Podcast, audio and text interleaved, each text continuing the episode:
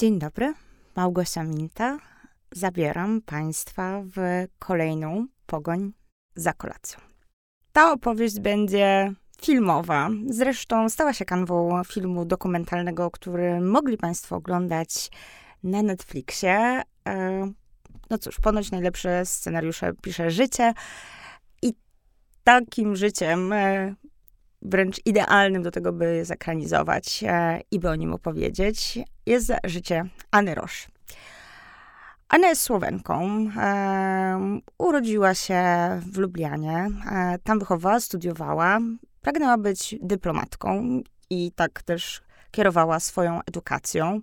Ponieważ z natury jest osobą hiperaktywną, oprócz tego, że studiowała, uprawiała mocno sport. W tym sporcie zresztą osiągnęła zupełnie sporo, bo dostała się do narodowej kadry narciarskiej.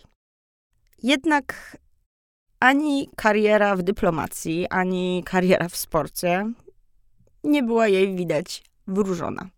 Los lubi płatać figle i takim figlem okazało się spotkanie z Walterem. Walter był synem właścicieli restauracji znajdującej się tuż przy granicy słoweńsko-włoskiej w Kobaridzie, w Dolinie Soczy.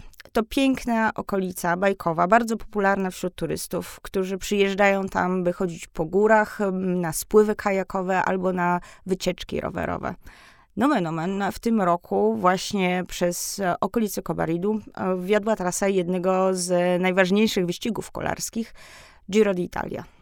Gdy Anna poznała Waltera, momentalnie zaiskrzyło. A, I iskry były na tyle mocne, że postanowiła porzucić swoją karierę przyszłą w dyplomacji, karierę sportową i wyjechać na słoweńską prowincję, by pomóc mu przejąć rodzinną, rodzinną gospodę, rodzinny zajazd.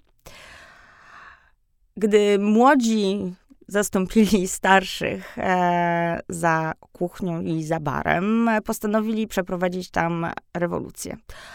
O ile Walter pochodził z rodziny restauratorów, tak Anna nie miała o gastronomii bladego pojęcia. Uczyła się gotowania, gotując dla gości gospody, którą niespodziewanie musieli się zająć. Wszystko robiła metodą prób i błędów, jednak okazało się, że ma do tego naturalny talent. E, jej wyobraźnia podpowiada zaskakujące połączenia smaków, a, a intuicja mówi, po jakie produkty sięgać, by podać je gościom.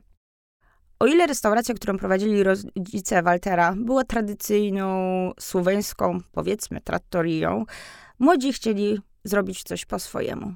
Walterowi marzyło się miejsce, które będzie podawać szalone słoweńskie wina. Anna z kolei chciała gotować tak, jak jej się wydaje bardziej dziko, bardziej wyrafinowanie, skupiać się na lokalnych produktach, ale podawać je w mniej tradycyjnej, bardziej nowoczesnej i autorskiej formie. Jak można się domyśleć, z początku ta wizja młodych restauratorów nie przypadła do gustu lokalnej społeczności. Jednak z czasem o restauracji znajdującej się w słoweńskich górach zaczęto mówić w środowisku smakoszy.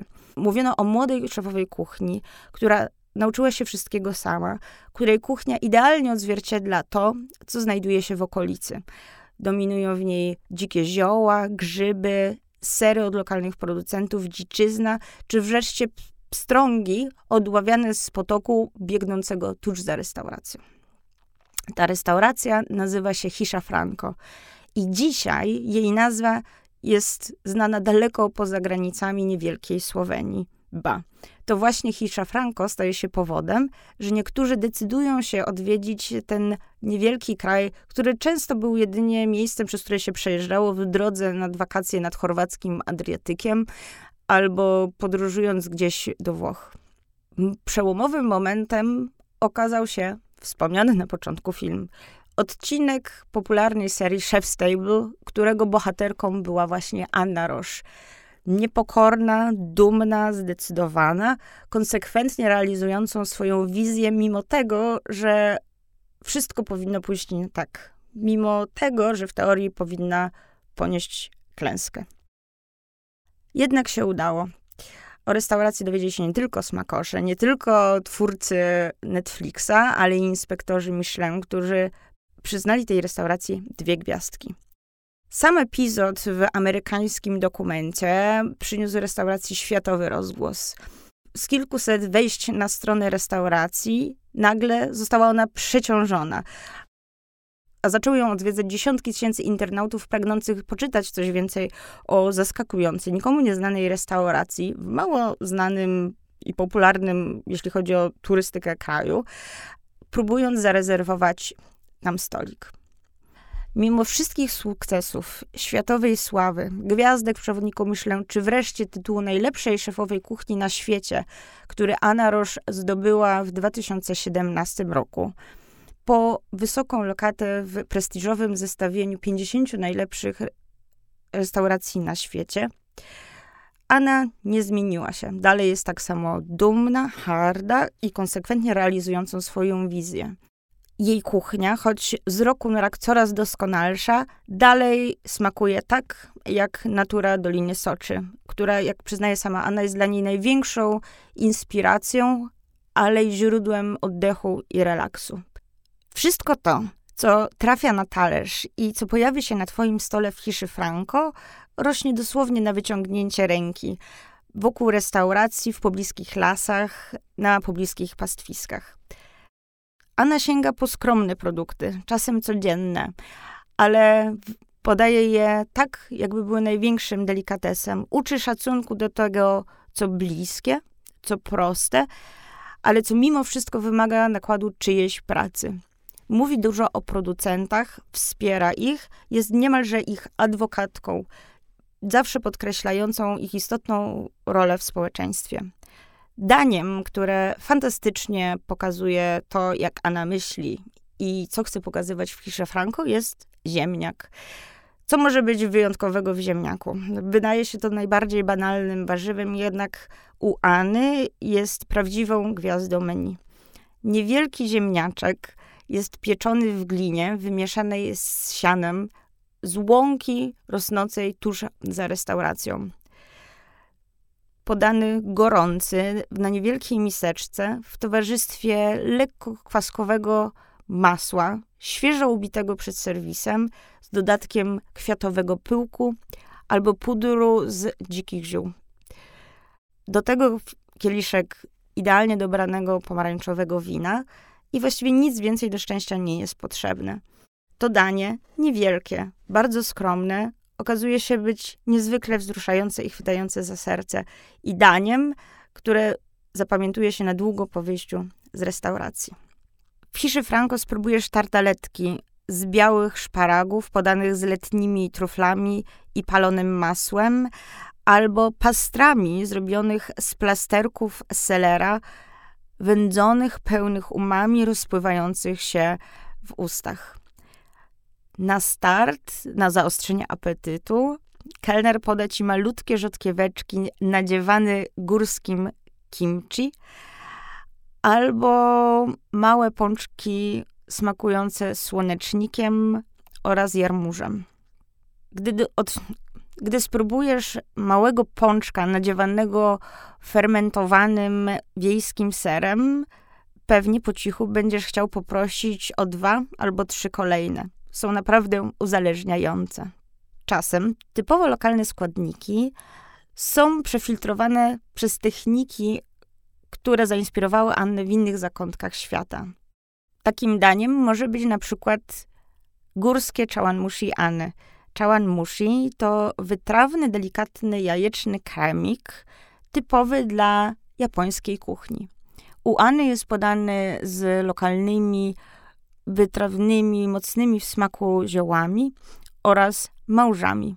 Nie zdziw się też, jeśli przed tobą pojawi się tortilla z kałamarnicą.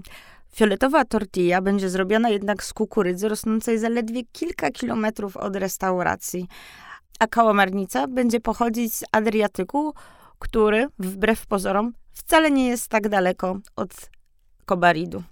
Tu inspiracją dla dania były oczywiście uliczne sklepiki z tortillami w Meksyku, bo Meksyk to jedna z największych miłości Anny.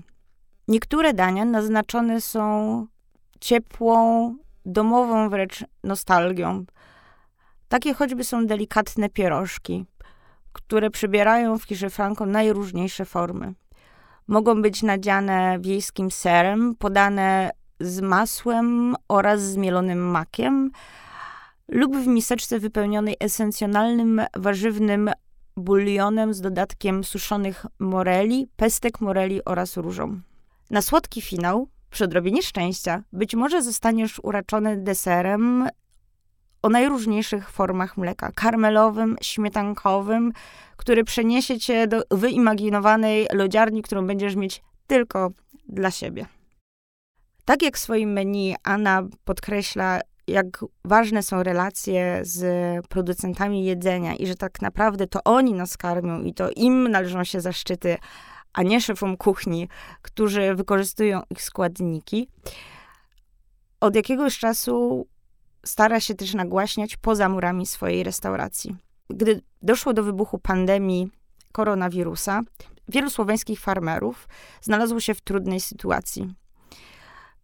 Nagle stracili rynek zbytu na swoje produkty, nie mogli jeździć na targowiska czy bazary, pozamykały się restauracje, które kupowały od nich świeże składniki. Wtedy, niczym superwoman, do akcji wkroczyła Anna Roche. Efektem tej akcji jest cała linia produktów, którą dziś można kupić w większości supermarketów w Słowenii.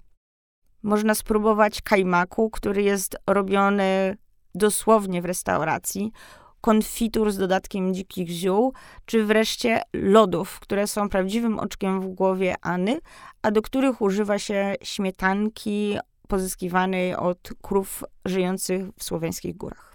Tak jak konsekwentnie Anna sięga tylko po lokalne produkty, pracuje też tylko z lokalnymi ceramikami, ba, nawet cała obsługa Hisza Franco nosi na sobie stroje zaprojektowane przez lokalną projektantkę, na których widnieją dzikie kwiaty i zioła rosnące wokół kobalidu.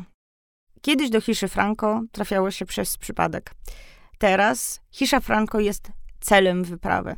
Samej zdarzyło mi się jechać tam z Polski samochodem tylko po to, by móc spróbować dań Any. Po kolacji z kieliszkiem wina poszłam do ogrodu, w którym rosną najpotrzebniejsze zioła. Nie było słychać dookoła nic poza szmerem potoku, który przepływa za restauracją. Dalej czuć tutaj rodzinną rękę, wielką opiekę oraz gościnność. Gdzieś przy recepcji stoją ramki z dyplomami oraz pamiątkowe statuetki z kulinarnych gali. Hisza Franco to wyjątkowe miejsce ale też dowód tego, że konsekwencja oraz upór w realizowaniu swojej wizji opłacają się.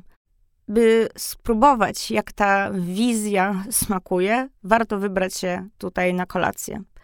Nawet jeśli będzie ona wiązała się z długą podróżą.